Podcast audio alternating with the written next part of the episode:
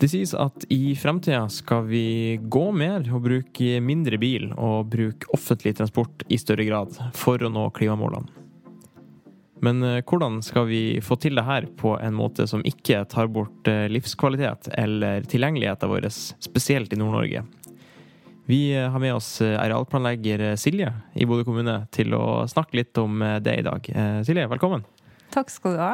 Eh, kan ikke du fortelle litt eh, om eh, hva du jobber med i, i din jobb?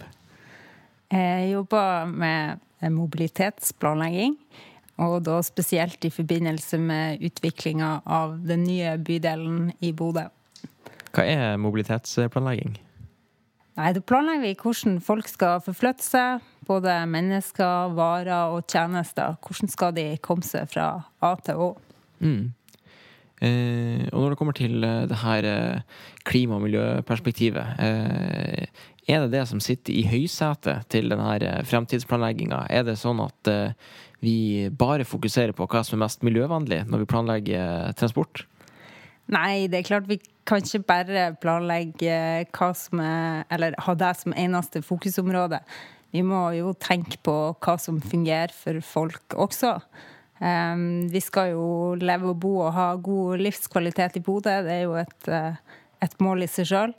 Og da må vi finne de gode løsningene som gjør at uh, folk helst foretrekker de grønne løsningene uh, først. Mm. Og så, så kan vi jo også bruke bilen av og til Hvis det er den vi tenker på som ja.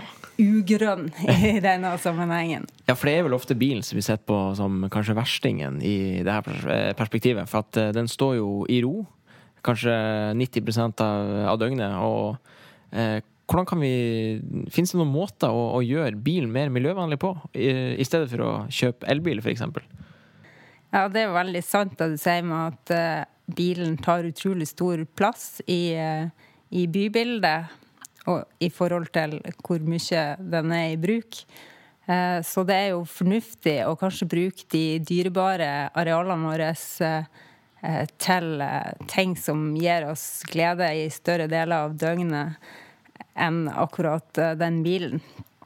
Og så ser vi jo at folk liker jo egentlig veldig godt å gå, da. Så man mm. foretrekker jo det. Og det, så lenge du ikke skal så veldig langt. Hvis du skal en 500-600 meter, f.eks., da går jo 80% av folk eh, ja. til eh, destinasjonen sin. Så hvis vi klarer å planlegge en bystruktur som fordrer at reisen dine de reisene du har behov for å gjøre, ikke er så lang, så er det mye enklere å få til grønn mobilitet. Mm. Og det har vi jo vært innom både i episoden med Kristoffer om kommunedelplan og uh, Julie om uh, nullutslipps nabolag. At det handler om å utvikle en by som gjør det lettere å komme seg dit man trenger, uh, til fots. At det ikke er de her store avstandene som kanskje vi spesielt i nord er plaga med. da.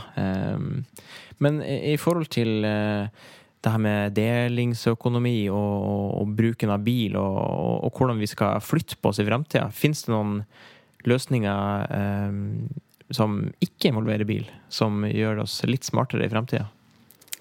Det skjer jo veldig mye på dette feltet nå. Det er jo et spennende felt. Og akkurat det her du sier med deling, der har det jo vært en stor utvikling til at uh, folk har hegna om sin egen bil Eh, veldig tett. Og det er det siste du låner bort. Mm. Uh, til at eh, folk har begynt å dele sin privatbil i enkelte deleløsninger, f.eks., eller at det er eh, private aktører som tilbør forskjellige sånne typer tjenester, både med bil og vi ser jo sparkesyklene, som både kan oppleves som et gode og et onde, ja. har eh, blomstra i forskjellige byer. Men jeg tror det viktige blir å tenke at folk er forskjellige, og folk har forskjellige transportbehov, og de har eh, det er ikke alle reisen skal ikke ha samme svar eller løsning. Vi må tenke et system som er såpass helhetlig at uh, du kan velge en, et transportmiddel som passer til akkurat ditt behov den dagen. Kanskje uh, trenger du en bil for du skal frakte noe stort. Eh, det er jo, de fleste har jo ikke en bil som er egnet til å frakte en sofa allerede nå. da, Så mm. det her med å ha kanskje abonnement på forskjellige mobilitetstjenester Eh, der du kan få en pakke, og du kan ta den store varebilen den dagen du trenger det. Eh, du kan ta så og så mange taxiturer kanskje i måneden, eller du kan låne en sparkesykkel eller en elsykkel eller eh, hva det måtte være. Ta bussen. Eller det kommer jo en del sånne eh, autonome busser, såkalt førerløse busser. Kanskje det blir en større del av framtidsbildet vårt. Ja. For de eh, halvlange turene hvis ikke sykkel frister. Mm. Eh, så jeg tror det vi må tenke, er, er, helhet. Og så må vi tenke at folk skal komme seg fra dør til dør, som er veldig enkelt i dag med bilen, men kanskje er litt mer kronglete. F.eks. hvis du tar buss, så har du kanskje plutselig en litt lang gåtur, enten før du kommer til bussen eller etter bussen. Og det er litt sånne ting som kan ødelegge for de her alternative reisene.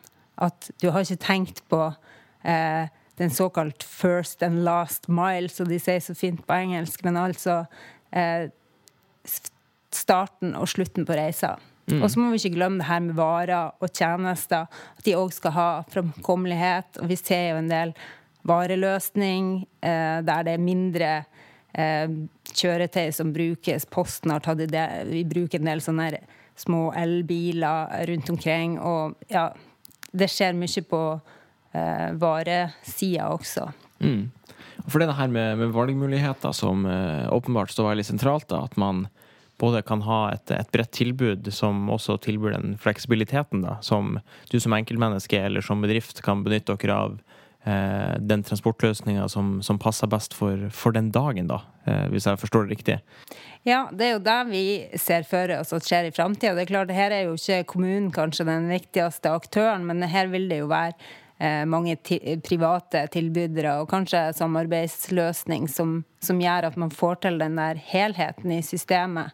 Eh, som gjør at det faktisk kan konkurrere med bilen ved å ha, kunne tilby en del andre typer eh, tjenester, da, som gjør at det kanskje er å foretrekke da, framfor å eie en egen bil.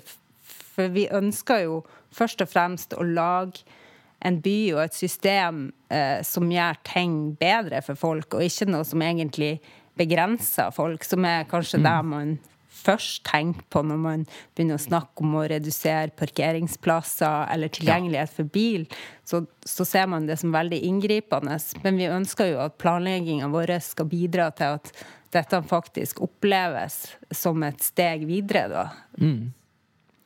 Og samtidig så er det jo kanskje viktig å presisere at det er ikke, det er ikke kommunen i seg sjøl som skal styre dette med jernhånd og, og, eh, på en måte bestemme hvordan de her transportløsningene skal være. Det, det er vel mer eh, retta mot uh, ja, utestående aktører da, som kommer inn og kanskje bidrar. Ja, og der er jo også en mulighet til at det tok opp nye arbeidsplasser. og, og som du sier, kommunen i vår arealplanlegging så er jo først og fremst en tilrettelegger og, og skal prøve å holde liksom tritt med samfunnsutviklinga, egentlig. Og passe på at ikke vi um, planlegger en bydel som, som, forhindrer at vi kan ta i bruk alle de nye, gode ideene som stadig skapes rundt omkring. Men at vi er liksom klar for å, å, å ta imot uh, mulighetene. og og tilby de, eller legge til rette for at noen kan tilby de til Bodøs befolkning. Mm. Jeg syns eh, det her høres ufattelig spennende ut, og jeg tror at veien videre til en eh, Vi kan på en måte ikke se for oss hvordan fremtida blir eh, før vi, før vi, står i den. Så jeg tror at potensialet for en sånn delløsning, det ligger absolutt til stede. Vi planlegger jo denne nye bydelen f.eks. i et 50-100-årsperspektiv. Og det er klart at hvis vi begynner å se oss tilbake 50-100 år eh, på de transportløsningene ja. vi drev med da, så er det klart at hvis du for 50-100 år siden skulle se for deg hvor vi er i dag, så hadde du antageligvis ikke eh, truffet helt blink, da. Sånn at det gjelder jo oss litt nå òg, da. Mm. Vi treffer antageligvis ikke helt blink på 50-100-årsperspektivet. Men det vi vet, er at det skjer ting, og, og vi må være eh, åpne og fleksible for å ta i bruk det som er bra. Og så ser vi jo at de løsningene som kanskje var mest vanlig 50-100 år siden, nettopp gange, er en ting som, som holder godt, da. Eh, og det er jo noe med den menneskelige målestokken. Og, Mm. og no, noen ting i livet og i verden er relativt konstant. Og Ja. da er gange en bra ting å lene seg på. Så noen ganger så lønner det seg kanskje å, å se bakover i stedet for å, å se framover. Noen ganger.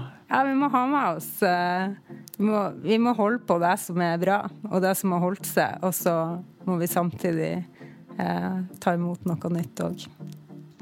Da tror jeg vi lar det bli siste ord. Eh, Silje, tusen takk for, for praten og at du tok turen hit i dag. Bare hyggelig. Har du et tema du vil at vi skal ta opp i podkasten? Send en e-post til nyby at bodo.kommune.no.